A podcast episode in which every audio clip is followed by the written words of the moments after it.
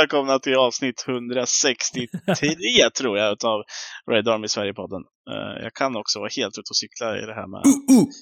med avsnittsnamn och sådär, men jag tror det är 163 i alla fall. Uh, lite skitsamma. Vi är här idag alla tre.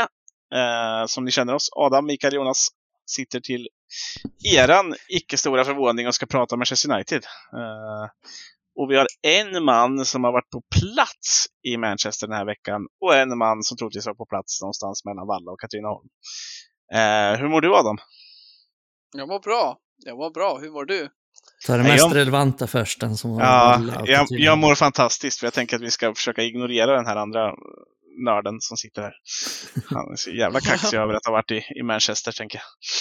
Eh, Allt, jag, allt ni kommer säga kommer jag säga emot och jag kommer säga att jag har rätt för att jag såg den på plats och ni vet fan inte vad ni snackar om. nej, du bara, du bara är- sov i samma match eller? Jag såg vi samma match eller? jag tänker mest att eh, jag undrar hur, hur hög din intelligensnivå är. Jag vet inte hur många enheter du fick i dig. Det, det, det är inte sånt där som vi inte har koll på. Eh, så att, eh, Jag är relativt ja, nykter idag. Ja, det är bra. Men eh, ja, det var bakfyllan över, över hela påsk här. eller? Nej, man blir inte... Man blir inte bakis när man är i England så. Det är sen gammalt. ja, det är bra. Men vi kan väl börja där någonstans då. Har du haft en bra resa? Jag har haft en bra resa, bra väder, eh, mycket trevligt folk som alltid man träffar i Manchester. Bra matcher, Mm. eh, plus annat roligt också. Mm, var du och kollade på uh, något mer än bara United? Något... Eh, jag var och kollade Oldham mot Altrincham. Eh, mycket trevlig match, speciellt med tanke på att det fanns två lånespelare i Altrincham. I Maxi Ojedele och Joe Hugill, som eh, båda spelade. Och Maxi Ojedele gjorde ett jävligt snyggt mål också. Mm. Eh, så det var väldigt kul att se och det var bra stämning på den matchen också. Lite oväntat, det kanske, vet inte om Adam har koll på, men jag hade riktigt tänkt på det att typ såhär Altrincham som spelar i National League, Mm. Eh, Det ligger ju precis utanför Manchester, Altrincham. De hade en jävligt stor klack med sig. Jag visste inte att de hade några fans överhuvudtaget. Nej, vi var ju och myste i Altringham 2021. Det var ju en mysig liten Ja. ort, men man vet väldigt lite om den klubben. Men eh, någonstans har man ju något gott öga till den där lilla orten. Eh, inte minst efter det. Men du, Ja. du fick se Joe, Joe Hugel, han fick hoppa in eller? Ja, det gjorde han. Ja. Eh, fan vad, jag blev lite stolt. Eh, speciellt i slutet av matchen, för Altrincham fick en man utvisad, men de låg under med 2-0. Tog de igen till 2-2. Eh, hemmasupportrarna var inte särskilt glada. Det är ett jävla mörker kring Oldham. Ja. Eh, men det som imponerade var ju, ja men dels gjorde de bra insatser, våra två killar, men också att satan vad de jobbar hårt. Mm. Alltså helvete vilken inställning de visar. Man kan ändå tänka att två United-spelare, liksom, speciellt Joe Hugill som ändå blivit värvad till United, för ändå ganska stora summor för när han kom som 16-åring från Sunderland.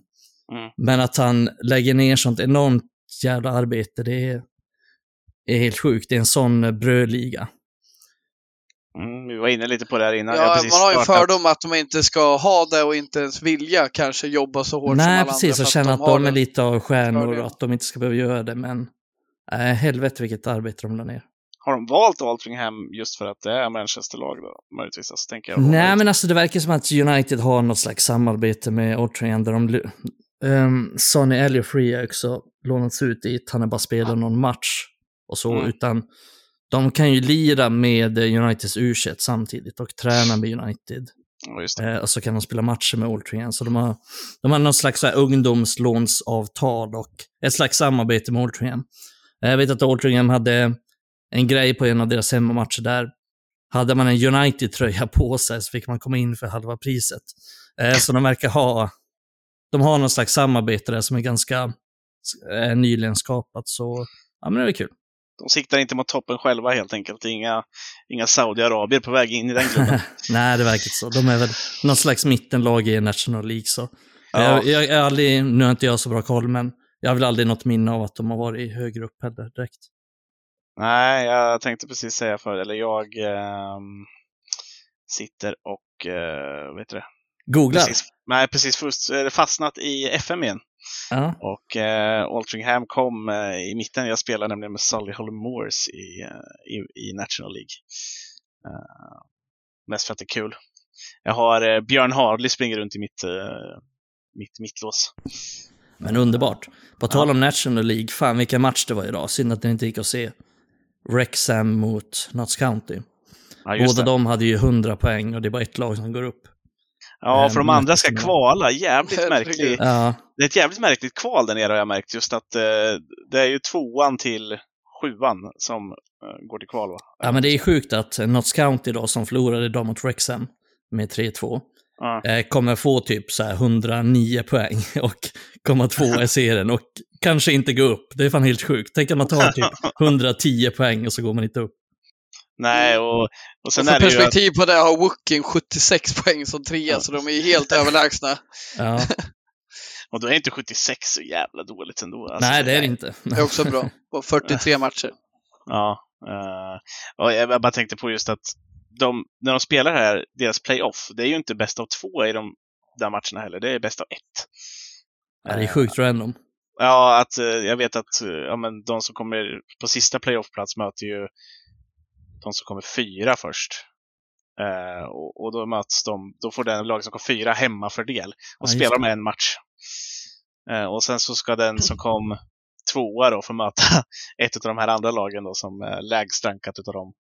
Som går Det- vidare i en match. Sen ska de spela en final också, så de kan ju få tre det laget som spelar mest matcher kan ju spela tre matcher till där och på ganska kort tid. Jag tror det är på typ så här tio dagar eller något. Ja, men det är ganska svårt också för att man måste ju ha det här momentumet. Och kommer man tvåa Ja. till exempel, då får man ju lite längre vila. Då kanske man inte spelar en match på sig så här 8, 9, 10 dagar. Och Mm. Då kan det vara lite halvsvårt att komma igång, när, för de är ju så vana vid, alltså deras liksom, de tränar ju för, de är byggda för att spela typ två matcher i veckan. Mm. Eh, så det mm, blir intressant att se. Ja, nej, kul i alla fall. Och som sagt, det där är ju någonting för de fotbollsälskarna där ute som, eh, som kanske som framförallt Adam i det här fallet då, eh, som är extremt tokig i den här hjärtskårdsfotbollen som spelas i den lägre divisionen i England. Eh, borde man ha koll på. Det är, det är rolig fotboll att se där nere. Jag har faktiskt kollat några Rexham-matcher, Kanske mest framförallt för att de fick en tv-serie, men sånt lockar ju också. Och deras jävla amerikanare till ägare. Uh, kommer inte ens ihåg namnen på dem, men det Ryan Reynolds och Rob eh, McElhenney, så heter han. De ska faktiskt möta United i träningsmatch på sommaren. Så. Ja, Det är just det. Relevant i den här podden. Exakt. Eh, men om vi går över till de lite mer matcherna som du kanske var där för då, så, eh, så är det väl där vi ska börja med att prata om i podden. Eh, vi har ju Brentford som vi mötte mitt i veckan och sen Everton då i lördags en förmiddag, alltså en första match på en lördag. När hade vi det senast till att börja med? Eh, och att vi sen Alltså vi var ju pessimistiska förra veckan, eh, Micke. Det kan man inte slå, slå under stol med när vi satt här och, och, Nej, det var vi. varandra. Men det var ju med flit för att vi skulle jinxa det. Ja, exakt. Och så kommer vi härifrån med två nollor, sex poäng och ja, alltså framför allt om vi ska säga så att vi var oroliga för vårt mittfält så är det väl de som vinner sina mittfältskamper och på så sätt säkrar de här matcherna åt oss. Men, men eh, ja, hur nöjda är ni egentligen med de här sex poängen som vi tar under den här veckan? Då? Vi börjar där. Du kan få börja Micke, du som ändå är på plats. Jo, men det är, det är svårt att inte vara nöjd med sex poäng. Liksom. Det går inte att få det bättre. Sen, eh, sen är jag ju en sån som tycker att prestationer är så jävla viktigt också. För att ja, det har vi ju snackat om i hundra år här i podden med Solskjaer, att vi kunde vinna matchen men att prestationerna inte fanns där, då visste vi någonstans. I alla fall, vi kände det, i alla fall alla vi, att ja, men det här kommer inte leda någonstans. De här prestationerna kommer inte ge oss resultat i längden. Även om vi vinner en match här, här och där och vi vinner den och vi vinner den, så kommer inte det räcka i slutändan. Eh, men nu tycker jag det är så viktigt under Tenag också att vi får de här prestationerna och att vi ser att vi är på väg någonstans. Eh, Och förutom de här sex poängen så tycker jag verkligen att vi fick de här prestationerna, för det är ändå, jag tycker ändå det var, alltså det var rätt, rättmätigt att vi var ganska pessimistiska med tanke på att vi har spelat ganska dåligt på sistone och att det är ganska, två ganska svåra matcher i Brentford och Everton. Framförallt Mm. två svårspelade lag. Nej, men jag tycker vi, vi gör det otroligt bra i båda de här matcherna. Och mot Everton så är vi egentligen jävligt bra i 90 minuter och mot Brentford är vi framförallt jävligt bra i 45 minuter. Det är extremt bra halvlek, första halvlek. Mm. Sen är ju andra lite sämre, men ganska stabila matcher. Men jag tycker också att båda de lagen någonstans spelar oss i händerna. Men ja, eh, otroligt nöjd med sex poäng här och även med prestationerna. Mm. Har du något att lägga till Adam? Nej, men på frågan är det klart absolut godkänt är ju över godkänt tycker jag. Brentford kanske är det tuffaste laget man kan möta utöver topplagen. Och vi, vi liksom, vi, vi löser det på ett bra sätt. Och jag, mm. jag lyssnade, jag var inte med på podden senast. Jag, eh, jag tyckte ni var jävligt eh, pessimistiska. Man var ju fantastiskt förbannad efter Newcastle för att vi blev liksom överkörda den matchen. Men mm. att, alltså jag, fan, jag ville bara hoppa in i den diskussionen jag hade då för, alltså jag fattar ju att man är sur över att vi gör en dålig match där och att vi har en spelare som underpresterat, till exempel i Wout Weghorst. Ja, det var ju rätt att peta nu och jag tycker det, det hjälpte oss i båda matcherna. Jag tycker Rashford mm. är väldigt bra i den eh, positionen han är i. Men sen har vi andra viktiga spelare borta, till exempel centrala mittfältet helt obefintligt. Så och hade det varit så att vi haft alla spelare så hade väl jag varit nog lika pessimistiska som er där, för då liksom, nu har vi ett bra underlag men ändå kan vi inte spela fotboll. Mm. Så, så jag har inte varit, jag har inte varit alls förbannad. Jag var inte alls förbannad i helgen även fast, eller även, även om vi missade massa lägen liksom. Det, nej, jag, jag har svårt att fatta den, eh, den irritationen som var på senare tid jag var jävligt lack efter Newcastle, men det går vidare liksom. Vi hellre att försöka spela den fotbollen vi gör. Och sen har vi inte alltid underlaget liksom. Vi har inte alltid spelarna och det får väl vara så första säsongen. Men ni hade ju en dialog där, där ni pratade om att vi liksom kanske ska göra något annat. Jag älskar ju ändå att vi fortsätter försöka ha boll. Nu har vi något annat i Bruno liksom i de här matcherna. Vi mm. testar något annorlunda. Men jag tror, hade han gjort det och vi förlorade hade vi ändå klagat. För då hade det varit helt galet att ha Bruno där nere, som inte är en central mittfältare. Alltså jag, jag är så jävla imponerad av att Ten Hag fortsätter köra sin grej trots klagomålen, trots kritiken. Det är klart han känner av det liksom. Det är klart han, han kommer få kritik nu med att Rashford blir skadad och inte får spela. Men mm. i slutändan så kommer vi klaga om han spelar Rashford eller bänkar honom och vi spelar bara kryss mot Everton. Mm. Alltså jag lovar, det spelar nästan ingen roll vad man gör idag så blir det klagomål. Och jag köper att man har klagat till exempel på Solskär. För han har haft helt jävla fel mindset i hur vi ska spela fotboll. Han har inte haft förmågan. Men jag tycker att Erik Ten Hag gör allt rätt. Sen blåser inte vinnaren alltid med oss, för vi har inte rätt spelarunderlag än. Men den pessimismen ni hade förra veckan, vilket jag kan förstå till vissa delar. Den kommer jag ha om ett år. Jag, kanske, jag kommer absolut ha dem två år när vi har byggt lag exakt som Erik vill ha. Men han ändå inte får ihop det. Alltså nu räcker det med att Casemiro är borta eller Rashford är borta så är vi helt, helt uddlösa centralt. Har vi inte en defensiv stadga och på kanten har vi inte våra anfallare som gör mål. Vi behöver ha in, in en ny anfallare som kan göra mål och vi behöver ha en reserv till Casemiro innan vi kan börja liksom ställa de kraven. Det är hans första säsongen då. Så jag har jag har funderat mycket de senaste veckorna. Jag tycker det är sjukt obefogat vad mycket klagomål det är kring eh, den leverans vi haft på sistone. Vi mötte ett starkt Newcastle, absolut. De är inte omöjliga. Men vi kommer in med ett gäng kisskottar på plan. Som inte, alltså vi har många spelare som inte är tillräckligt bra. Så är det bara. Jo, men sen eh, nu kanske, jag håller med dig, du har jävligt många bra poänger här. Jag tycker du är en bra nyans i det här och jag tror att, eh, men jag tror ändå att matchen mot Newcastle, alltså, det finns ändå gränser för hur dålig man kan vara. Nu blev det liksom bara 2-0 i den matchen, men det hade kunnat bli så mycket mer. Jag tycker, det är inget problem att vi förlorar mot Newcastle. Men det är sättet hur vi gör det som, eh, som jag tycker är problematiskt.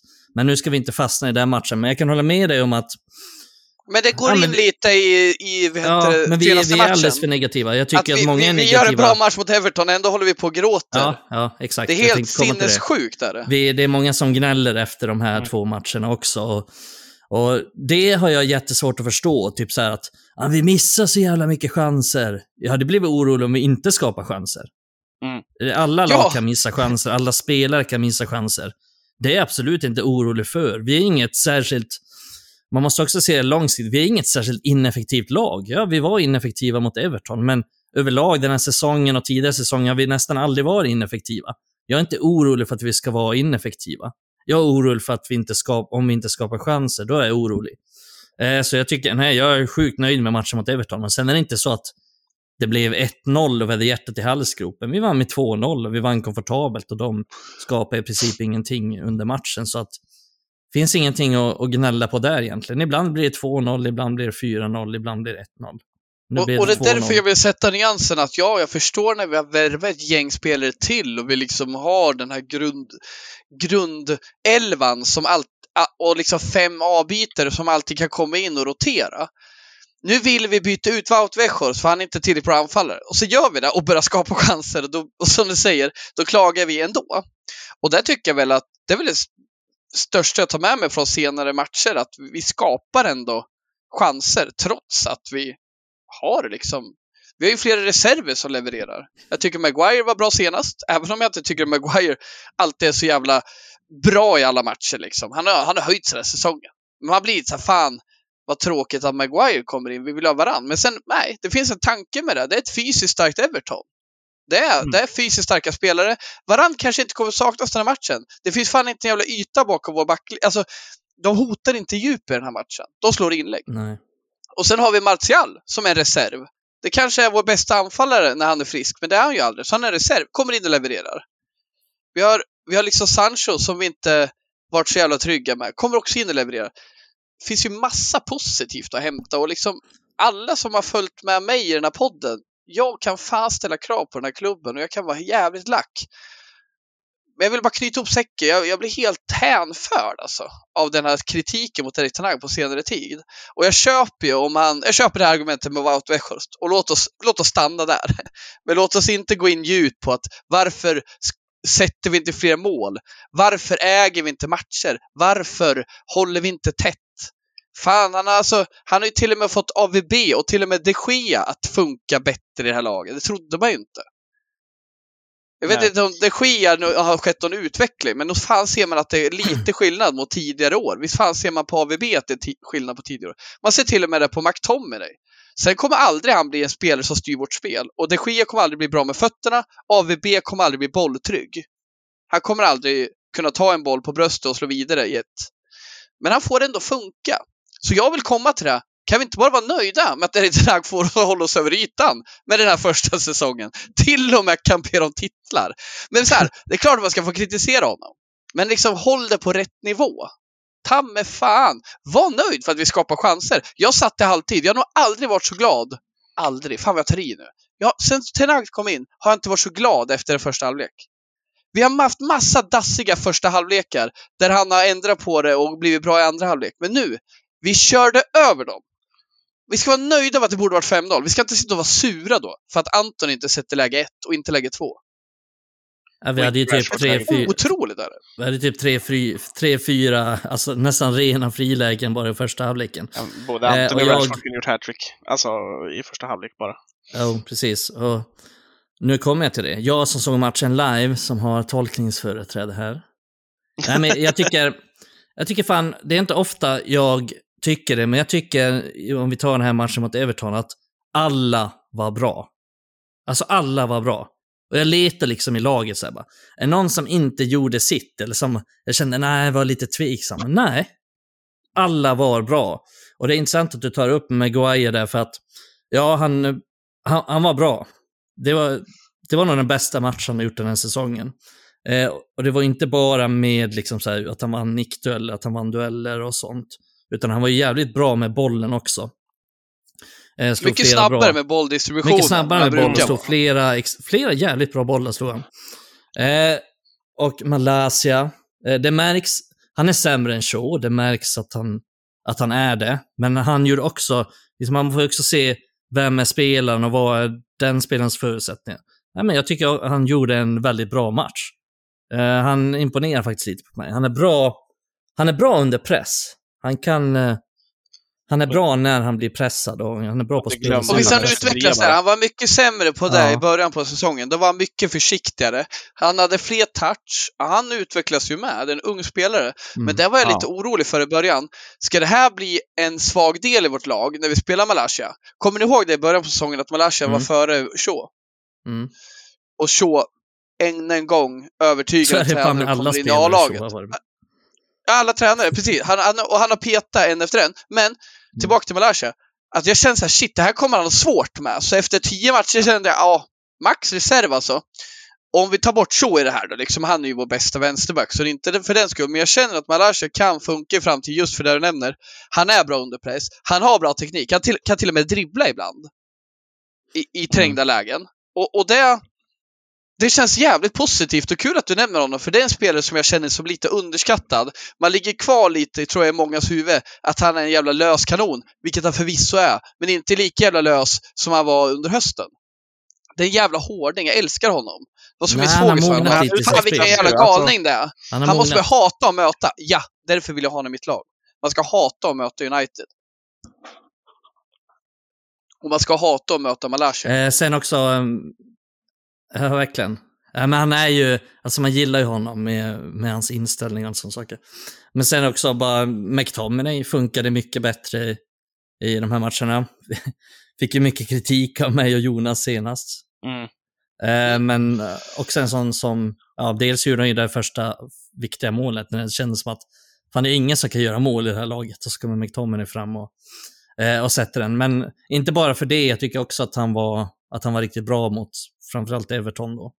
Eh, men ja, det var lite olika, det var lite olika roller. Han, det var ju framförallt det Erik, ja han är Erik med mig och med er också. Det framförallt det Erik ändrade från Newcastle-matchen. Det var ju alltså själva mittfältsspelet, hur vi ställde upp mittfältet. För att det fick han ju fel mot Newcastle, det gick vi igenom då också. Att, Mm. Men han gjorde nästan allt fel och, och det får han göra såklart. Och nu gjorde han nästan allt rätt. Eh, så det var ju någonting han ändrade och som, eh, och precis som du nämner Adam också, att han, han vågar göra de här förändringarna. Han ser att, ja men okej, det funkar inte mot Newcastle. Nu gör jag någonting annat mot Everton. Nu gör jag någonting annat mot Brentford. Han är väldigt flexibel, men också att han vågar ta de besluten. Också att han är väldigt innovativ eh, och idérik. Att han, han har många olika idéer och som han, när han får de här idéerna så vågar han testa dem. Och nästan alltid så blir det ett lyckat resultat också. Så att han är, han är väldigt modig men också smart. Eh, och just i de här matcherna så, så fick han verkligen till det med mittfältskonstellationen. För det är ett svårt läge, för mitt, vi har inga bra mittfältare. Eh, nu när Casemiro och Eriksen är borta. Och då måste han göra någonting. Och det var ju det jag och Jonas efterlyste i Newcastle. Han måste, han måste ändra på någonting, han måste göra någonting. Och det var ju faktiskt just det han gjorde. Det var faktiskt han det han insåg ju gjorde. mot Newcastle att okej, det jag kan inte ha McTominay och Sabitzer på liksom sittande mittfältet. Det funkar inte. Jag måste göra någonting. Och då kommer ju det här med att visst, han har testat det innan också, men nu blir det verkligen ännu tydligare att han flyttade upp Sabitzer som tia eh, och fick ner McTominay och Bruno, framförallt att Bruno var den som gick ner och hämtade i mycket större utsträckning och Mm. Eh, och det, ja, men det funkade ju väldigt bra i båda de här matcherna egentligen, för Bruno var fantastiskt bra i båda matcherna. Och Ja, men Bruno, har han varit bättre bra. den här säsongen än de här matcherna? Vi har någon Nej. punktinsats här och där, absolut, han gör en bra match. Men i det här, alltså att han verkligen, man verkligen utvinner det mesta ur hans repertoar. Man har en, en lång, man har en spelare som kan ta, slå längre bollar. Och så här, jag tycker inte han har slagit så här bra långbollar tidigare. Så någonstans är det ju också att han får hjälp av Everton som ligger osedvanligt högt med sin backlinje. Blivit kaxiga på något vis. Under Sean Dyche. Fan vad de ger bort sig där. Fan, otroligt vad mycket bollar de, nickbollar de missar på Brunos långbollar. Även på Martinez långbollar. Men det jag tänker är att man verkligen får ut det bästa av han. Och även att när Everton inte pressar Bruno på det sättet, framförallt Brent för de pressar ju inte Bruno någonting, gör att han inte heller, hans svagheter inte heller exponeras. Och, och, och där känner jag väl, det är också smart av Erik Ten Hag att hitta den här rollen, men någonstans har vi ju tur här att inte Everton och Brentford är smartare. Lite Mm. förvånad. Det är inga dumma tränare i deras lag, det är det inte. så här, Sean Dyche är ju inget taktiskt geni, men någonstans borde man väl kunna utmana det. Men samtidigt, Sean Dyche var ju inte nöjd med sitt mittfält. Det var fan anmärkningsvärt att han tog hit båda eh, samtidigt. Det var fan en statement alltså. Och sen tog han in Tom Davis och Jimmy Gardner. Men såg Men- ni inte den när han vände sig om och sa det? Det var ju mitt under första halvlek, så ja, du såg väl inte den Micke, men på tv kunde man ju se när Sean Dyche vände sig om och bara What the fuck is happening? Alltså, det är så tydligt att det är de orden som kommer ut ur munnen på dem. Och det var väl typ efter Antonis andra läge, eller någonting sånt. Ja, det var ju det. Mm. Det var ju liksom, hur kan vi, har vi solen i ögonen, hur kan vi missa de här nickarna? För det var inga superbollar alltid. Det var ju vissa som gick precis över spelaren. Det var ju både Godfrey och Michael Keane som missade några nickar som Mm. nästan blev som skarvar. Men nog om det. Men det jag tänkte komma till med Bruno, inte fan kommer han få de här möjligheterna igen. Alltså, säg en, en match mot Chelsea, då kommer det inte att funka så här. Nu får vi förvisso tillbaka våra mittfältare som vi spelar med. Men det känns ju kanske som att situationen och motståndet öppnar här mer än att Bruno nu är en bra central mittfältare. Jag tror vi kan Mm. testa det här mot ett mot bättre lag. Det är svårt att säga. Brentford är ett bra lag. Det, det går ju inte att säga något annat om. Så, men det vill komma till att man inte pressar Bruno. Då bjuder man in till att han får köra ut sin repertoar. Jättebra långbollar. Har inte sett så bra genomskärare från centralt håll sen när Pogba var bra eller när Paul Scholes var bra. Sådana här svepande fina långbollar på löpande spelare. Vi snackar om att Anton inte är snabb. Mikael, han är skitsnabb. Nej, skoj, skämt åsido. Det såg ut som han var snabb. Men jag har ju en liten, Det såg ut som han var snabb för han fick så bra bollar. jag har ju en liten spaning på det där just med mittfältet och varför. Everton försökte ju ändå pressa. Det, alltså, det märker man ju, de har ju en ganska hög backlinje. De försöker få upp sin mittfält. Men, men det var i alla fall en som mitt, mitt gamla tränaröga försökte se i, allt det hela. Bara varför de aldrig lyckades pressa just Bruno. Mm. Del, dels var ni inne lite på Malassia. Jag tycker han, han hjälpte till väldigt mycket och han var väldigt bra på att slå de här passningarna genom mittfältet också. Vilket gjorde att man såg att Ganagay och de här började tveka lite.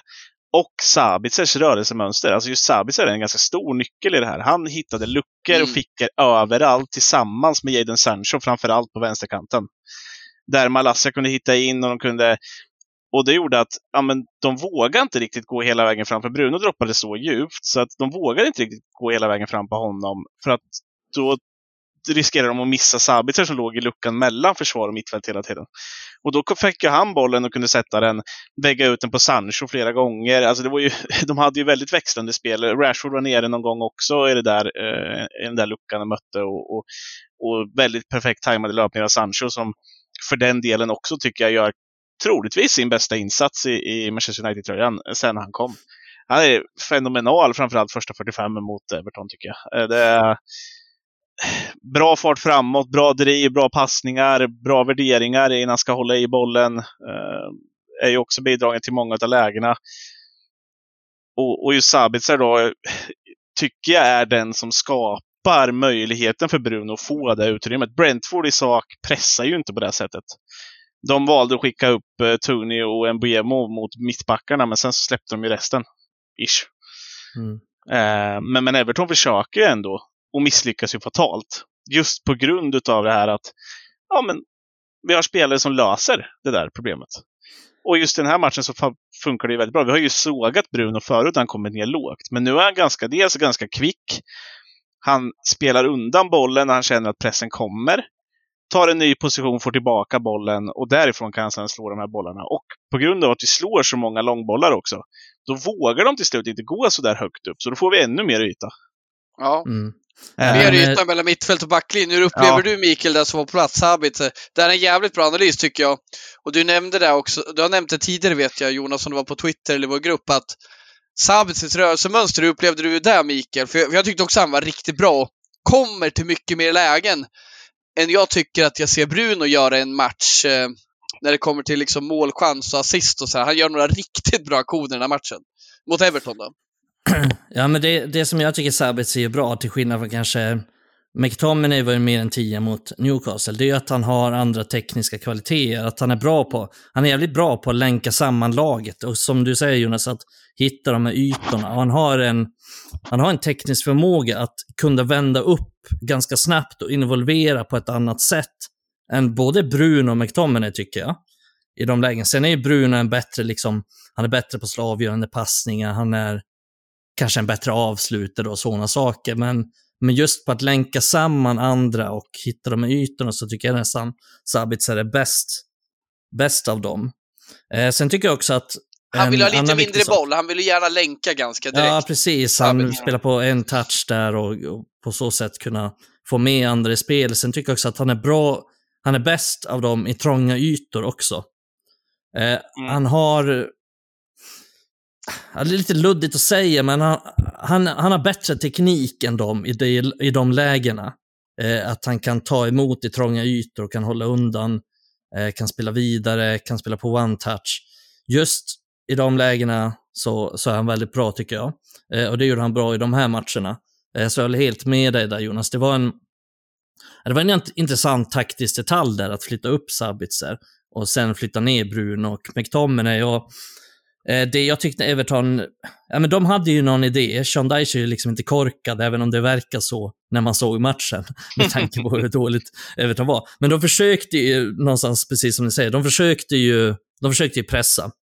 Eh, men det blev ju helt fel och jag, så, jag såg Dyche eh, intervju efter matchen och då pratar han ju om att, vad heter han, Elliot Sims eller något sånt? Heter han Elliot? Ellis. Ellis Sims. Eh, att han fortfarande håller på att lära sig hur man pressar och hur man försvarar och när han ska pressa, när han ska ta försvarslöpning och att det även inte kommer naturligt för Gray heller. Eh, så han menade ju lite på att ja, men vi fick inte till det här pressspelet och det gjorde att vi eh, Ja, men det, det är som ni säger, att de stod ju ganska högt med backlinjen och det är ju det gör de ju för att de försöker få till den här pressen och vill pressa med hela laget. Men eftersom det inte funkade så såg det ganska löjligt ut. Ja. Eh, så nej, men det, det var ju så de försökte göra det och eh, det, ja, det är intressant det du säger Jonas där att liksom att Sabitzer var nyckeln i att Bruno fick mer boll och fick mer utrymme. Eh, och det håller jag med om. Jag tycker också Sancho var en sån, för Sancho hade lite Mm. liknande roll. Men det var där, därför att jag han- tog upp han där också. Att han, eh, han Precis, och, och det är det jag tänker att alla inte tänker på, speciellt när man tänker på... För att om, om vi tänker på de här matcherna bara som en individuell match mot Everton, då tycker jag inte att Sancho liksom, han sticker inte ut i att han gör massa mål eller att han gör massa assist. Och det är inte Sabitzer heller, och det är inte Antoni heller. Herregud, Antoni fick hur mycket kritik som helst efter matchen mot, mot Everton. Men de gör de här sakerna som gör att Bruno får utrymme, upplever jag. Att de tar de här löpningarna in mitt emellan och de gör, att, de gör det för svårt för mittfältarna och försvararna att veta när ska vi backa in i ytorna, när ska vi kliva upp, när ska vi göra det? För att de hela tiden ställer frågor till motståndarna i de ytorna. För att sen också är de jävligt bra i de ytorna. Om vi bara tar Sancho som exempel. Visst, han gör en, han gör en assist och, det, och den är snygg och den är viktig och den är bra. Men det är snarare hans liksom så här, chansskapande i matchen. Han skapar fem chanser, trots att han, jag tror att han har 95 procent i passningssäkerhet eller något sånt. Och skapar fem, fem Mm. chanser i matchen. Det är helt sjuk eh, produktivitet. Eh, och har man en sån spelare som aldrig ger bort den, som alltid är tillgänglig i den ytan och som alltid slår rätt passning, då kan vi hela tiden bibehålla trycket mot dem. Då kan vi hela tiden bibehålla pressen och hela tiden fortsätta anfalla. Men också hela tiden ge ytor till andra spelare, till exempel Bruno, som får mer tid med bollen. För att Mm. Bruno behöver tid med bollen. Eh, han funkar i, på centralt mittfält, lågt, alltså djupt ner i planen, i de här två matcherna, upplever jag, för att de inte lyckas pressa honom. Brentford vill inte pressa, jag vet inte varför de körde den taktiken, men de stod mest lågt bara. Jag har faktiskt ingen, ingen aning om hur de tänkte här. Eh, Everton försökte som sagt pressa, men lyckades inte. Eh, och därför är Bruno bra i de två matcherna. För att han får tid med bollen. För att han är inte bra när han blir pressad. Och det kunde vi se till exempel mot Newcastle. För Newcastle pressade väldigt bra, väldigt högt. Och de är också ett lag som är, de är bra på det och de orkar springa mycket. De är, liksom, de är fysiskt starka och eh, ganska ungt och vältränat lag.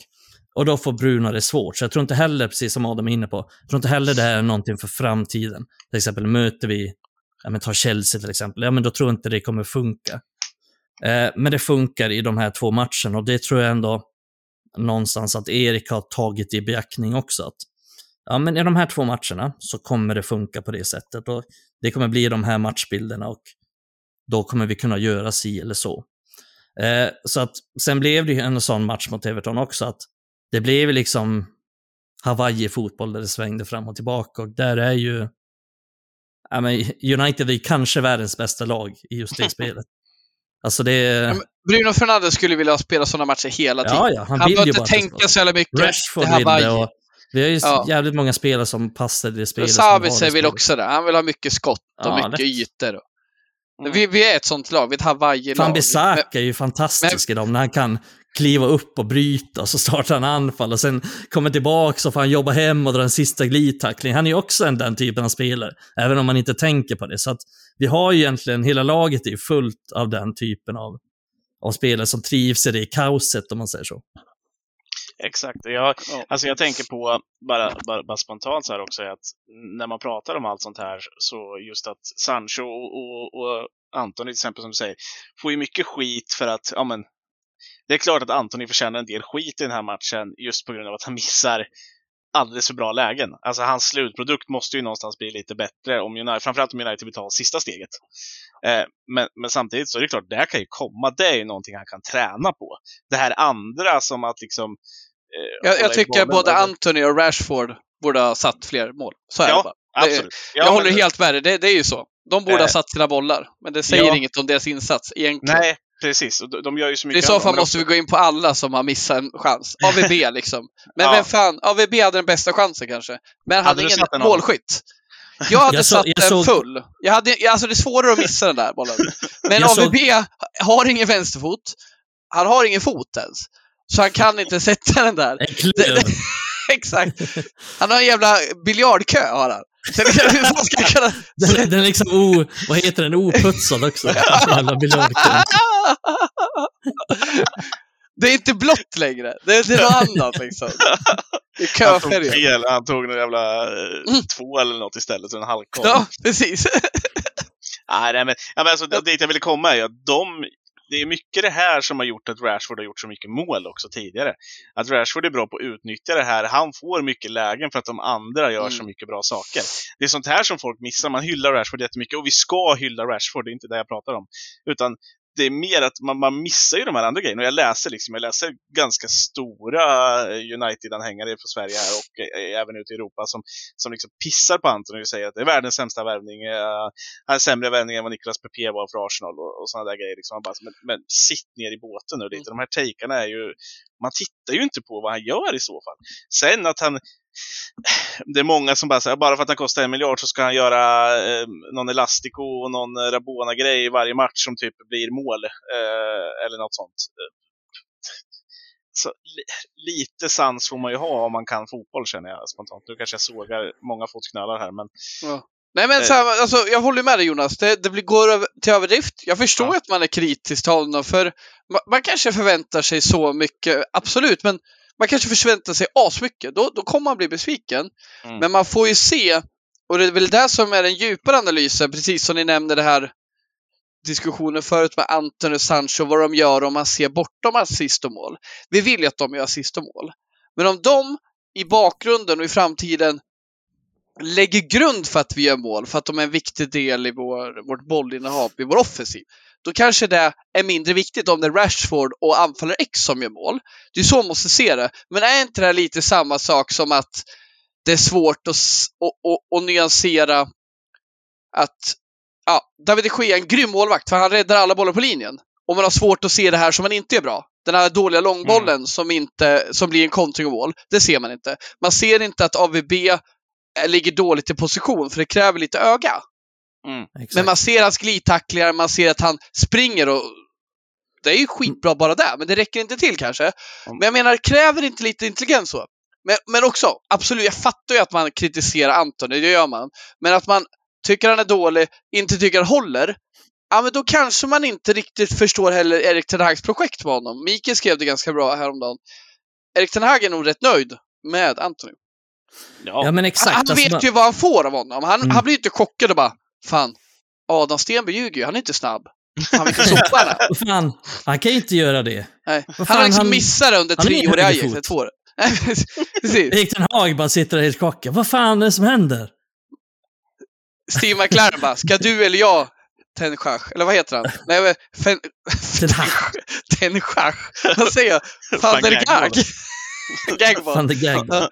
Nej, men min poäng är för att alltså, det kanske är svårt för gemene man att se allt som Anton gör. Sen också, ja, jag kan själv tycka att han borde göra fler assist. Men för den skull negligerar jag inte vad han gör i laget. Vi, vi har ju sagt det tidigare, vi blir mycket sämre utan honom. Sen kan man i en FM-värld bara kasta ut honom och skicka in en ny. Men Mm. låt han få chansen liksom. Nu har vi lastat in en miljard. Det är väl ännu mer anledning till att låta han få tid i klubben. Men det är samma med Sancho. Det kanske är samma personer där som tycker att men, han är en flopp, för han är, var för dyr. Och Maguire, ja, det kanske var fel från början, men vi måste sluta se på de här summorna alltså. Mm. Men Maguire kan vi kritisera, vi kan kritisera Sancho, vi kan kritisera Anthony. Men vi ska inte bara titta på att Maguire ska bli en ny Vidic eller att Anthony ska bli en ny Ronaldo. För att det kostar en miljard. Ja, men exakt. Och sen är det ju...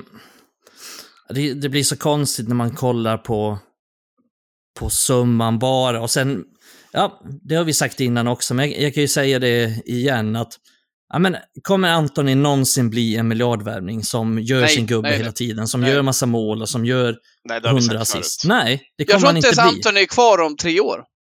Nej, Han kanske är jag- kvar i klubben, men då kanske vi har hittat någon annan ung talang. Vi kanske har Ahmad som petar honom.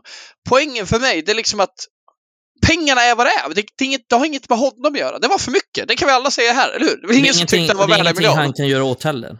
Nej! Och liksom, men, men om det är grejer, ja men då är han ju en flopp. Det går ju bara att säga då. Då är ju han en flopp och Sancho en flopp. Och för ingen av dem är ju miljardvärvning. Men är det intressant att diskutera? Jag Nej, tycker inte det. Nej, men om man nu Jag, tycker jag det är fattar viktigt. inte varför alla så liksom, besatta av vad den och den kostade och vad den och den... Liksom, för mig är det... Det är klart att jag vill att United ska göra bra värvningar, men, men det är inte intressant att Anthony kostade en miljard och, och så kan han inte göra det eller det. det Inte i den det- diskussionen. Det är intressant när vi snackar om att United är missbrukade genom åren. Exakt, inte Samma med AVB.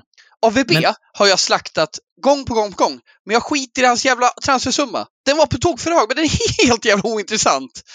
Om han är tillräckligt bra för United. Han kan vara Nej, tillräckligt exakt. bra för United om han är en miljard värd. Eller inte. Det är bara, det är helt irrelevant i den diskussionen. Eh, Sen tycker jag en annan sak som är värd att nämna med Anthony och Sancho är också relevant i den, för jag tycker de är ganska lika på det sättet att folk vill att, ja men de är offensiva spelare, Anthony är en offensiv högerytter, Sancho en offensiv tia slash vänsterytter. Då förväntar sig alla att då ska han göra massa mål och då ska han göra massa assist. Mm. Och det är klart att jag också förväntar mig att Anthony ska göra fler mål och fler assist. Och jag förväntar mig att Sancho ska göra fler mål och fler assist. Men jag tänker också att i varje lag så finns det liksom rollspelare som inte, vars främsta uppgift är att göra alla mål och göra alla assist. Utan, säg att Arsenal har en frontfyra. Då kanske det är två av dem som gör extremt mycket mål, extremt mycket assist. De andra två kanske inte gör lika många mål, lika många assist, men de bidrar på andra sätt till att spelet funkar. Om vi tar till exempel, det, det tydligaste exemplet är ju liksom Bruno och Rashford, det är ju poängspelare. De har kunnat göra dåliga säsonger och dåliga matcher, men de har ändå gjort poäng för att de är bra på den typen av saker.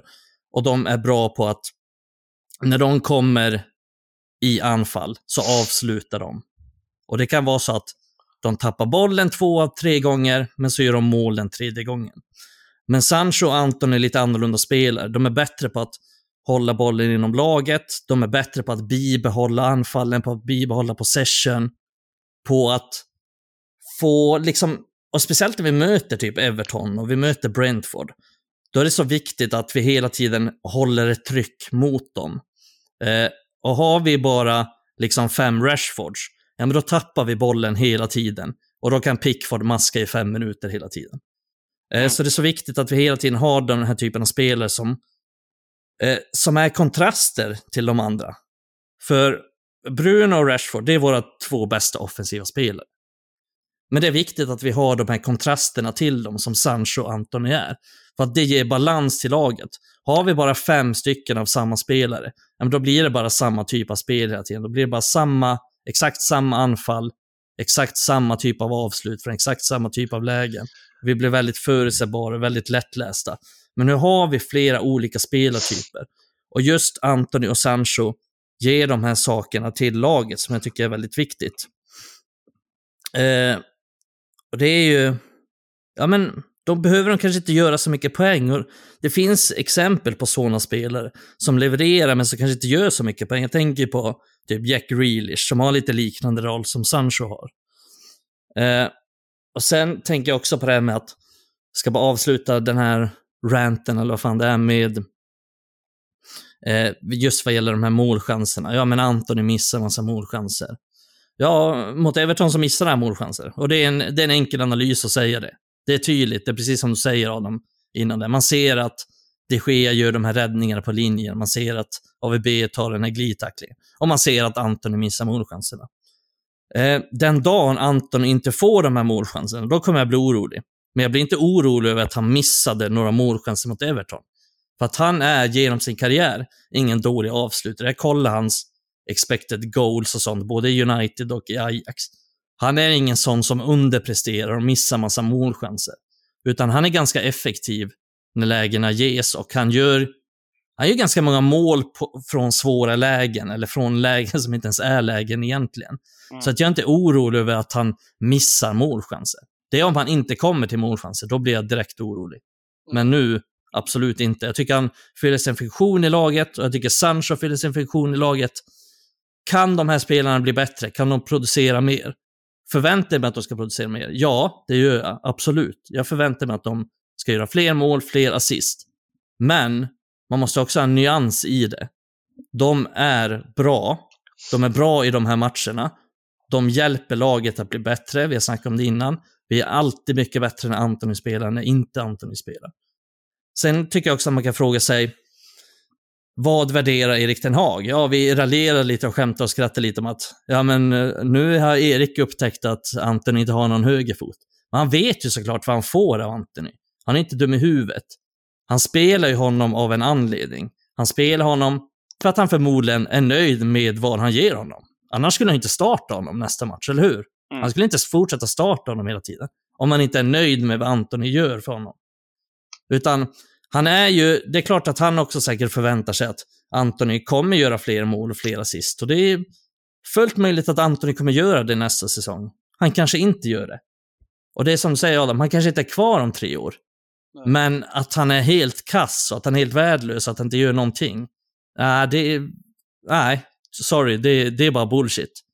Men med det sagt så kommer han såklart behöva, behöva höja sig. Men jag tror ju han, redan han till nästa bra. säsong kommer vi se han skillnad. Jag tror både Sancho och Anthony, om de finns med i planerna för nästa år och kommer få spela, så kommer vi se skillnader där. För vi kommer värva en anfallare av klass, alltså inte en Wout Wechor som är inne och bara bidrar i pressspelet. Vi kommer få in en bättre anfallare och det kommer innebära att vi kommer, det kommer bära mer frukt för Antonys inlägg-fot. Det är inte så att Antony slår superinlägg eh, som bara går, eller så inlägg som bara går förbi sina spelare eller så. Han, han har ju liksom veckor som någonstans kanske fokuserar på lite andra saker än det man förväntar sig av en anfallare. Har ju funnits en tanke med det från som han nu tycks släppa. Sancho är en bevisad framspelare. Är det något han är bra på så är det att eh, eh spela fram sina motståndare och hitta luckor i, i tajta försvar. Jag kom, vi kommer se en förändring där med. Sen kanske aldrig de blir liksom 15 assist på en säsong. Och, och det är kanske anledningen också att Anton inte finns med i planerna. Men för att sätta den här grunden i det spel Erik Ten Hag vill ha. Han vill ha en bollspelande mittback till exempel. Och han vill ha en tålmodig ytter som kan bidra i pressspelet. Så han hittar sina spelare nu. Och jag tror att vi kommer se förändring där också. Alltså, också lite onyanserat. Alltså det är ganska onyanserat att kritisera hans eh, poängskörd den här säsongen. Mm. Ja, vi kan tycka att det borde bli några fler assist, men produktionen från våra centrala anfallare har inte varit bra i Ronaldo och Weghorst. Och eh, hade gjort sju mål den här säsongen. Det får väl ändå se som okej okay första säsongen, men allt är väl misslyckande om man nu bara värderar ut för transfersumman. Men ser vi på det nästa säsong, får en rörlig anfallare i straffområdet som kan nicka in bollar. Lite som han hade i Haller nästa, eller när han spelade Ajax. Alltså det var inte så att han bara gjorde mål i Ajax. Det var ganska jämnt. Han gjorde inlägg och han gjorde mål. Han, han, han var helt okej okay i, i poängskapandet i Ajax. Jag tror han kan göra United med, med rätt förutsättningar där. Men det är väl ingen som överpresterar i år med po poängskörden. Det är ju inte så att Bruno gör det heller. Det är helt okej. Okay. Vi, har inte, vi har inte någon som gör särskilt många assist, helt enkelt, den här Nej. säsongen. Nej. Och det är för att vi inte har någon... Vi, har ju, vi får ju nästan inga enkla mål från en striker. Och det har vi snackat om innan också, att Sancho är jävligt bra på att länka just med en striker. Jag tycker Sancho blir hundra gånger bättre när Martial spelar.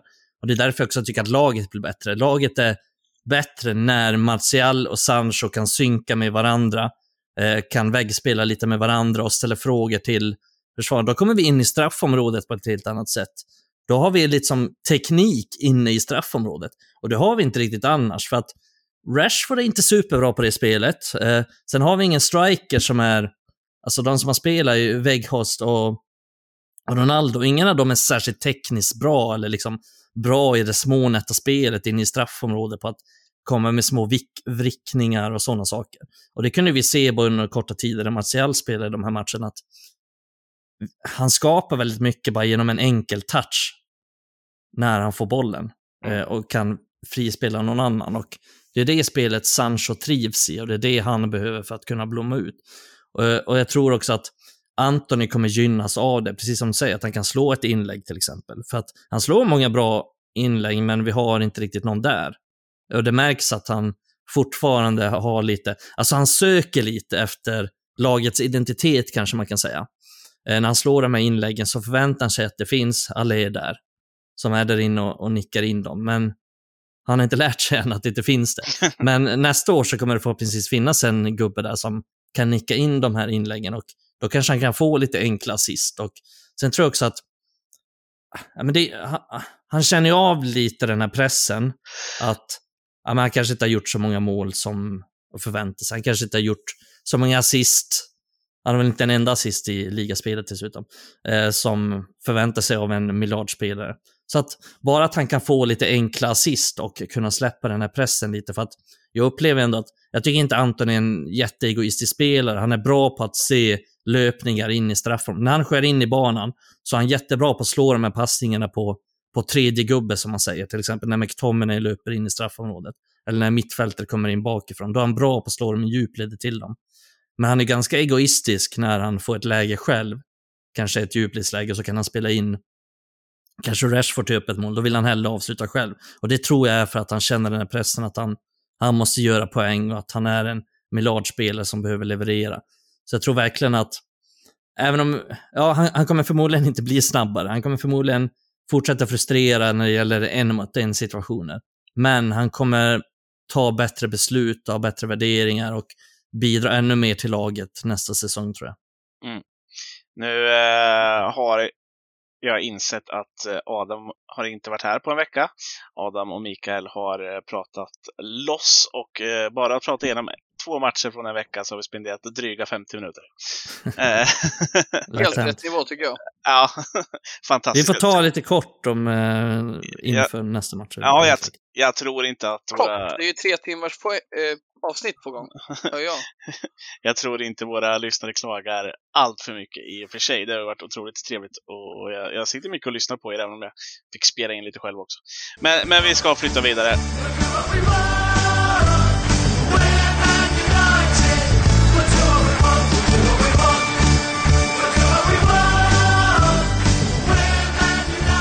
Eh, vi måste ändå gå igenom eh, det som komma skall. Eh, och det är ju Sevilla i första mötet på uh, torsdag och uh, sen på söndagen så spelar vi mot, nu tappade jag bort mig helt, men vi spelar ju mot, uh, vad har vi, Nottingham? Nottingham.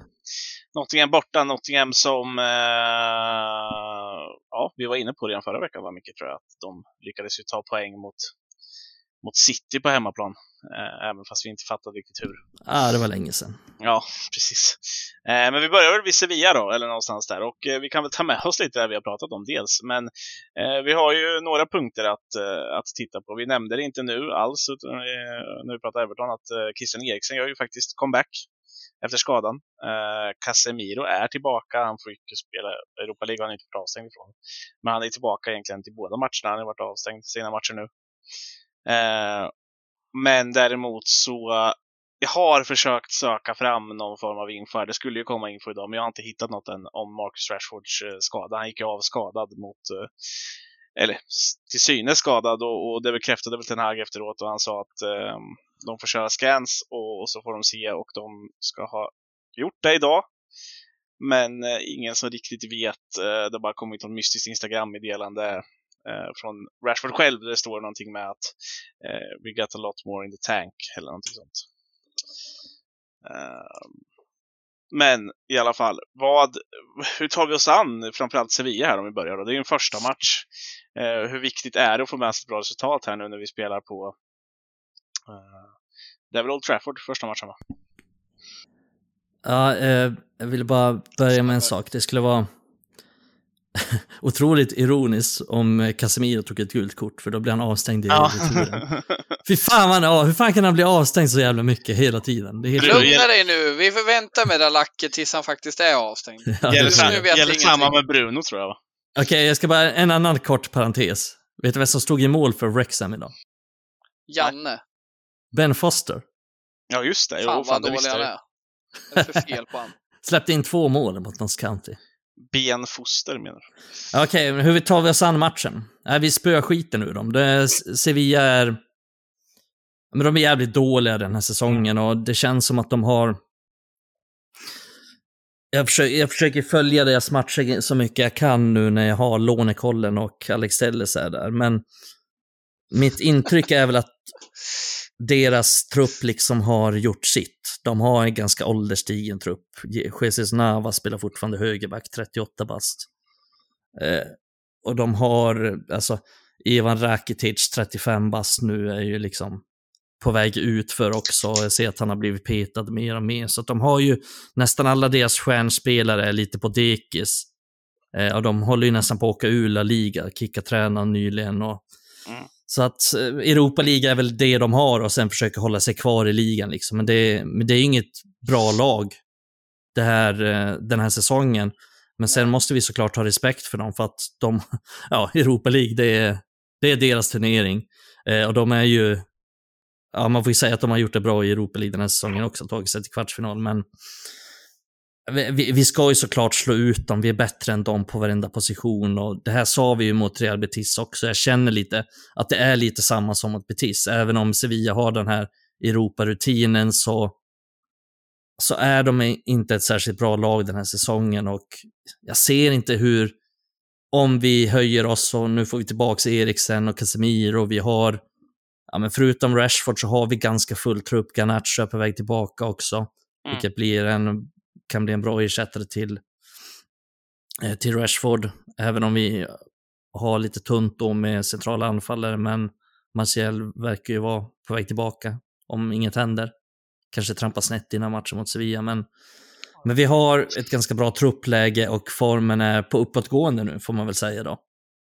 Eh, efter de här två matcherna. Så att det, det, känns ändå ganska tryggt. Jag tror att över två matcher så ska vi slå ut Sevilla. Så är det bara. Ja, eh, jag kan inte annat än att hålla med. Eh, det, det, känns som ett dels alldeles förlegat lag. De har ju minus 11 eller någonting i målskillnad i, eh, i eh, serie eller lilla liga. De ligger och sagt, ja visst, nu har de ju lyckats krypa upp så här fem poäng över strecket i alla fall eller någonting sånt. Men, men det, det, ser ju tungt ut för dem. Jag har bara sett en enstaka match, jag tror jag kollade, de mötte i och för sig Real Madrid och, och Ja, men de, exakt, men de har ju, förlåt för att jag avbryter, men de har ju ganska, ja men i senaste ligamatchen till exempel, de har ju 2-0 hemma mot Celta Vigo och släpper in två, två sena mål och så tar de utvisningar i frustration. Och, mm. Så att de mår ju inte jättebra liksom som lag, även om de har kickat tränare så har de inte riktigt fått någon stor effekt. De är ju liksom, ja men de är fem poäng från, från att åka ur just nu, så att de behöver ju också ha ha fokus där, även om de har några lag som är nedanför dem nu. Mm. Men de behöver liksom ha fokus där också så att äh, de, de mår ju inte superbra just nu. Nej, Man precis. mår ju inte bra om man lånar in Alex Telles heller. Nej, man visste ju vart det barkade innan säsongen när, när den kommer in. Man visste Ex. ju när de räddar oss från den. Spelar eh, Uh, spelar Casemiro och lär ju starta den här matchen. Han har inte fått spela någonting. Ja, gud, Nej, han behöver vila. Ja, men tror ni Eriksen får uh, mer minuter? Uh, mot Sevilla. Jag tror Eriksen kan starta. Låta um, uh, McTominay och Sabitzer vila lite. Ja, vila och vila. Ja, men, ja, men, Passar inte. nej, men man skulle I alla fall kunna... inte McTominay. Sabitzer hade varit intressant att se som tia och kanske få Nej, Bruno men att vila absolut, lite. Men... 60 minuter för Eriksen, det, det tror jag är rimligt. För det- Bruno är ju också avstängd om han får ett gult kort. Så att... Ja, men exakt. Jag tror ju att Alltså, ska man se till hur Ten Hag har gjort innan och, och, och jag har ju varit inne på det, att han, han, han vill ju gärna fortsätta på sitt spår och, och helt rätt i det, men eh, så, så kommer han ju ställa upp med bästa möjliga lag. Som han Mm. ser det, eh, till start i alla fall. Får vi ett bra resultat, kanske leder som vi gjorde mot, eh, mot eh, Betis där då och, och får 2-0, 3-0 eh, hyfsat tidigt, ja men då, då är, finns det väl många som man kan vila på egentligen. Alltså så här, och låta andra få minuter. I till exempel Pelistri som har suttit på bänken nu båda matcherna och lite sådana där grejer. Och så, så, här, så att, ja, nej men eh, för min del så tror jag att det ändå är bra och viktigt för truppen att få med sig ett bra resultat här från Old Trafford. Så man slipper pressen i nästa möte eh, när man ska ner till Spanien igen. Även om det är Sevilla, eh, som du säger, och att de är gamla så finns det ändå rutin eh, kvar i dem och de gör det alltid bra i den här jävla turneringen oavsett vilka fan de har i laget. Så att, Ja, det är det som är lite klurigt när vi börjar hemma, att vi behöver ju nästan ta en vinst här. Det hade varit enklare att börja på bortaplan och kunna känna av lite och kanske få ett, säg att vi spelar 1-1 på bortaplan, att kunna få de här klara förutsättningarna för hemmamatchen. Nu är det lite svårare läge där. Känner väl att vi, vi måste ju vinna den här matchen. Eh, alltså jag känner väl att vi, vi, vi kan väl gå över och, och prata lite Nottingham också eh, under tiden här. Så Adam får säga något också. Det är inte Precis. riktigt Adams arena att vi kommer in på Sevilla och sådana här flashiga lag. Nej, men vi ska Adam helst gillar, möta Middlesbrough. precis, Adam gillar Nottingham. Det gör han. Vi, hade, ju- ligacupen. vi spenderade väl tio minuter du och jag Adam och det kom upp några memes om det här också i, i våran grupp. Så, ja, s- sånt, där, sånt där gillar jag i och för sig. Med Niklas Gide och man, vet ju, man vet ju att eh, det är något fel i Nottinghams jävla truppdynamik när de har typ 11 spelare skadade. Det, Mm. det ska liksom inte gå. Och det är ju inte så att man har räknat in U21-spelare, det är ju deras, ja, det är en tredjedel av deras jävla överbelastade trupp. Men det blir Mm. mysigt att möta dem. Jag vet inte om jag känner sån oro den här gången. Liksom, det känns ju som Nottingham kan få lite, det kan skallra lite i deras knä nu i slutet på säsongen innan det blir ett riktigt race på slutet. Men som vi har pratat om tidigare, alltså, vi har varit inne på det, det kanske är det sämsta lag i ligan.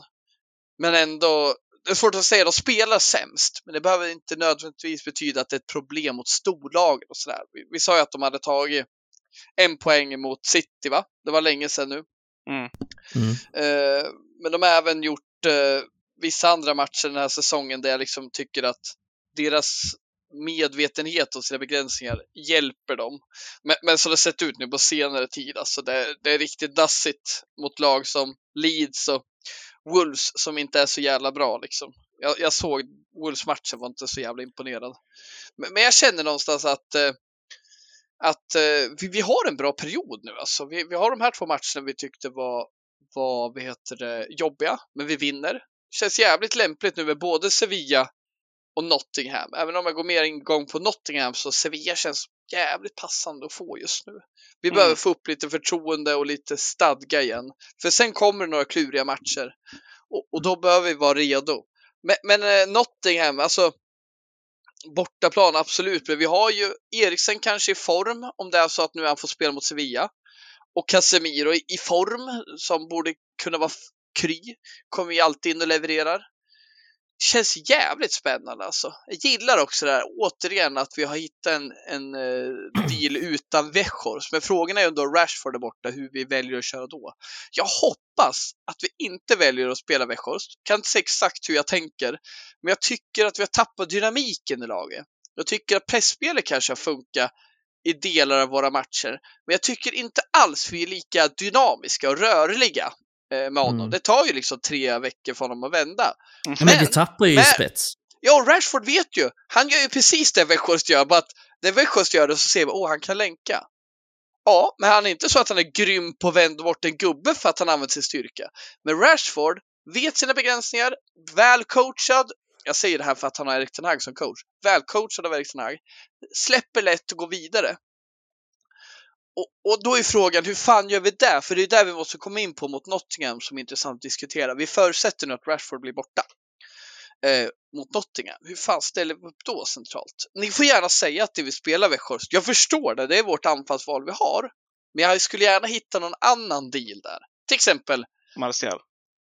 ja precis. Alltså Martial, ja jag hade fan glömt bort han. Det är så jävla givet. Vi slutar diskutera det här nu. Martial kommer in, Men, men, men gör två mål, jag... sen älskar vi han i tre matcher, sen skadar han sig igen. Ja. Men eh, jag tycker Marcel var bra nu, i och för sig tacksamt liksom läge att komma in mot Everton och så här. Mm. Och dels för att han gjorde målet också, men fan vad, han är bra alltså. Han är Men bra fan vad viktig han var. På tal om dynamik, det är ju inte så att Ja. vi blev mindre dynamiska utan Rashford. Nej. när- men han, när han gör skillnad. Det Ja. märks stor skillnad, även om jag tycker att, vi behöver inte gå in på Martial, det har vi gjort så många gånger, men det är klart att United måste göra sig av med honom tids nog. Liksom. Han, han är inte tillgänglig tillräckligt ofta. Ja, men vi väntar till efter säsongen. Ta det lugnt Men. Vi måste ha ja, honom nu sista matchen. Ja, nu, definitivt. Men. Förlåt. vad fan skulle jag säga? Nej, men det, det är tydligt att han är bäst, att han är vår bästa striker. Och det märks ganska tydligt när han väl spelar, för att han gör... Ja, men man, han gör striker-saker. Och man tänker bara, jaha, fan sådär. Det är lite så man kan förvänta sig att en striker ska göra. Eh, men till Vegas försvar så tänker jag typ Nottingham är en sån match han skulle kunna passa i. Få lite närvaro i boxen och Dessvärre har vi haft massa sådana matcher där han ska passa i, där han fan har bara Ja, men jag tycker nästan alltid att han startar i fel matcher. Det är så här, typ mot Newcastle. Det, nej, förstår inte riktigt poängen med honom där. För att, ja, men, så är det ju. eh, Men han har ju inte spelat, han val. typ 15 matcher i rad. men Någon han skulle kanske honom. mot, han kanske skulle ha spelat mot Brentford Mm. istället om han skulle valt någon av de matcherna. Nu gjorde han inte det och det var ju bra Mm. att han inte gjorde det på, på sitt sätt sådär, men, men Men jag förstår din menar. poäng. Han borde ha spelat färre matcher. Han borde inte ha tryckt Ja, in i alla jävla spelat, matcher. han borde, om vi säger så här, det är ganska, han borde spela när vi dominerar matcherna. Ja, och vi eh, behöver någon där det kommer bli mycket inlägg och mycket Exakt. hörnor och Men grejer. vi behöver en, någon närvaro i boxen som kan ta lite fokus och ge de andra spelarna utrymme. Eh, så att jag är inte oäven om han startar mot Nottingham. Eh, av just den anledningen för att de kommer backa hem satan. Vi kommer ha liksom 80% bollinnehav mot Nottingham. Det är jag helt övertygad om. Och då, då skulle han kunna vara ett alternativ att ha, ha det framme. Men eh, jag skulle ju ändå startat Martial centralt och sen kanske ha Sancho på vänsterkanten och Antoni på högerkanten eller något Mm. i den stilen. Men Det är Ja. det som är trevligt med... Trevligt? Fina i kråksången kan man väl säga. När Rashford är skadad, det är att vi ändå har Sancho som har börjat hitta lite rätt och ha han till vänster. För liksom, det är inte så att vi kan trycka in Elanga till vänster för att vi inte vet vem vi ska spela av Sancho och Elanga. Det är som du säger Mikael, det kommer kanske vara den match vi trycker ner ett lag som mest nu mot uh, Nottingham. Och den kan komma mot Bournemouth. Men det är inte så jävla många matcher den här säsongen med det motstånd vi har och det spel vi har. Vi är inte så jävla bra på att äga matcher. Om ett år eller två hoppas jag vi ska kunna äga mer än hälften av matcherna. Men som det ser ut nu, Nottingham och Bournemouth, det är sådana matcher där de kommer vilja ligga lägre ner. Så har vi inte riktigt längre med Palace och vi har inte riktigt det med eh, Brighton som en gång i tiden alltid låg lågt. Nu har de blivit spelande lag. Men jag, jag känner det att det är precis som du säger, det kommer kunna bli 80% och då måste vi kunna nyttja det. Och det känns då, tycker jag, tryggt att ha yttrar som eh, Sancho och Anthony. Och Sancho kanske inte är lika övertygad mot, mot eh, Leicester, där det blir mycket mer ytor där man vill ha Rashford speed. Så det blir jävligt intressant att se hur vi så här tidigt i Erik Ten era kan nyttja det här övertaget som blir. Jag är helt övertygad som du säger Mikael att de kommer trycka ner sitt lag. De här Mm. kommer inte hålla på och eh, försöka nu. De börjar fatta nu, Steve Cooper, att vi måste, vi måste få en poäng i alla fall. Annars är det kört. Alltså de kan inte vinna mot dasslag som Leeds. Då, då, då kommer det bli, de kan inte vinna mot Wolverhampton. Alltså det är riktigt dåliga lag nu. Vet inte Ja, men de Leicester, inte- kanske är världens sämsta lag i världen just nu. Ja, men det kanske är världens sämsta lag i världen just nu. ja, men de, de är ju ett Championship-lag på så sätt att de, de kommer inte få någon enkel seger. De, Nej. de kanske kan ta en liten så här halvturseger mot... Men de kommer Eh, kunna ta Leicester tre hemma, segrar liksom. till den här säsongen som gör att de håller kvar. Men sen Ja. kommer det vara kiss resten. Ja, De tar ingenting på bortaplan heller. Det, är- det är det som, de tar ju en poäng här och där på hemmaplan och försöker liksom... Ibland så lyckas de ta en lite så här något turlig seger. Jag har ju ännu inte sett dem liksom vinna rättvist i någon match. Jag tycker ju alltid att de är eh, sämre än motståndarna och ganska tydligt sämre också. De, de har ju liksom inget spel. De spelar bara raka bollar på Brendan Johnson och hoppas att Gibbs White kanske slår en bra hörna som de kan nicka in eller någonting sånt. Men de har Det är så sjukt, de har mer. inte någon kreativitet på kanterna heller. De får liksom Nej, de har ju ingen- ingenting. Det är så jävla sjukt hur man kan värva så, så mycket och har så lite kvalitet. Ja, men köper är så jävla dåliga köp också, den där Ja. jävla eh, sopan Ja, men Mikael, om du hade börjat spela FM så hade du haft det laget. Då hade du bara, fan då, vad gjorde jag? Jag ångrar mig. Jajamän. Starta ny save. Ja, men typ hade så här, du jag, jag är helt oförstående till så här värvningen av Nico Williams liksom från Liverpool. För hur många miljoner pund som helst. Ja, alltså, den har jag väl ändå mer förståelse för att man ska hålla på och plocka in typ Willy Boli som knappt har platsat i Ja, men det är ju bara panikvärvning. där. Ja, och, och sen bara så här. Serge Aurier, han har väl liksom inte... Det finns en anledning att lag inte vill ha kvar honom. Han tar ju otroligt många dumma frisparkar och straffar emot sig och allting sånt där. Jo, Fan, men det, nu fick det, jag déjà vu. Det känns här, som vi har pratat om deras transferfönster tidigare. Jo, det har vi var- säkert. Men, men det är ju bara panikvärvningar de gjorde. Det är, ju- de tog in dem på free transfer, så det är inte så stor deal. Det är väl värre att de värvar Nico Williams för 20 miljoner pund. Ja, Men hörni, Ja. hörni. Om vi ändå ska prata off topic, vad fan hände nu? Jag läste några rykte om att Leeds ska, eller förlåt, Leicester ska värva Leeds gamla tränare Jesse March. Vill de åka ur eller? Ja, fast det är, Han har ju tackat nej till dem. Det, är Det här avblåst. så, ja. Vad är det senaste då? Är det Tord Grip och Sven? Nej, jag vet inte om det finns något senaste faktiskt. Eh, Det verkar inte som att folk, eller det är inga som är så intresserade av att ta över Leicester. Så jag tänker väl att snart sitter väl Big Sam där, eller någonting sånt. Eh, tillbaka från semestern. Jag tänkte Roy like Hodgson, men han har ju redan tagit över Premier League. Fan var med Ja. 5-1 mot, vad var det, Leeds? Leeds. Men det är lite kul att Leicester bara verkar köra typ så här att de går in på Google och bara vilka är de 20 mest kända tränarna som inte har ett jobb i Premier League. Precis Som har varit i. Premier League. Och så kommer det upp typ så här-. Ja, Ja. Så kommer det upp en så här, så här, Roy Hodgson, Big Sam, Jesse March. Inte mycket till idé där. De bara, Nej. vi vill ha Svennis. Sen kommer det upp till, uh, vad fan, en rådgivare. Fan, han har ju redan varit här. Det gick inget bra. Ja, och Tor Grips. Helvete. Svennis var ju i Leicester, vad var det, 2006? Han bor på ett demensboende Ja, jag tänkte kan inte säga- ha honom. Jag tänkte också att Tord sitter väl på något senilhem eller någonting. engelska. Han måste kunna engelska om man ska stå på träningsplan. Ja, men Hasse Backe jobbar i TV, honom kan vi väl ta in då. Han har ändå Tord. Grip sitter så här med, skakar med kaffekoppen, det är hans teamtalk. Liksom. Sörplar ur, ur fatet på kaffekoppen. Han har alltså jättefin liten teservis. Jag trodde Hör faktiskt man att... eh, skallrar om den här lilla, lilla vet du, tallriken under koppen. Jag vet säkert på att Frankie. Lampard skulle, skulle fastna Han där. skulle men- ta ut dem i Championship. Ja, Ja, de skulle ju Han värvat honom om inte Chelsea tog honom. Så Ja. hade de ju tagit Lampard. ja. Ja, helt otroligt att han får nya jobb hela tiden. ja, och att han lyckas komma tillbaka till Chelsea. Jag vet inte. Jag, jag tycker... Men nu... förstå vilket kontaktnät han har och vilken, eh, alltså vilken hjälp han får, precis som många andra tränare i histori- historien. Det är ju inte att man vill ha honom egentligen. Det är ju liksom folk som är där och friar åt honom. Mm. Ja, men det är helt sjukt vilken fördel man har som gammal, eh, gammal storspelare. Hur många Ja. chanser man får. Men Stevie G med- har man inte hört så mycket om sen han la av. Nej. Eh, the, the good slipper, så att säga.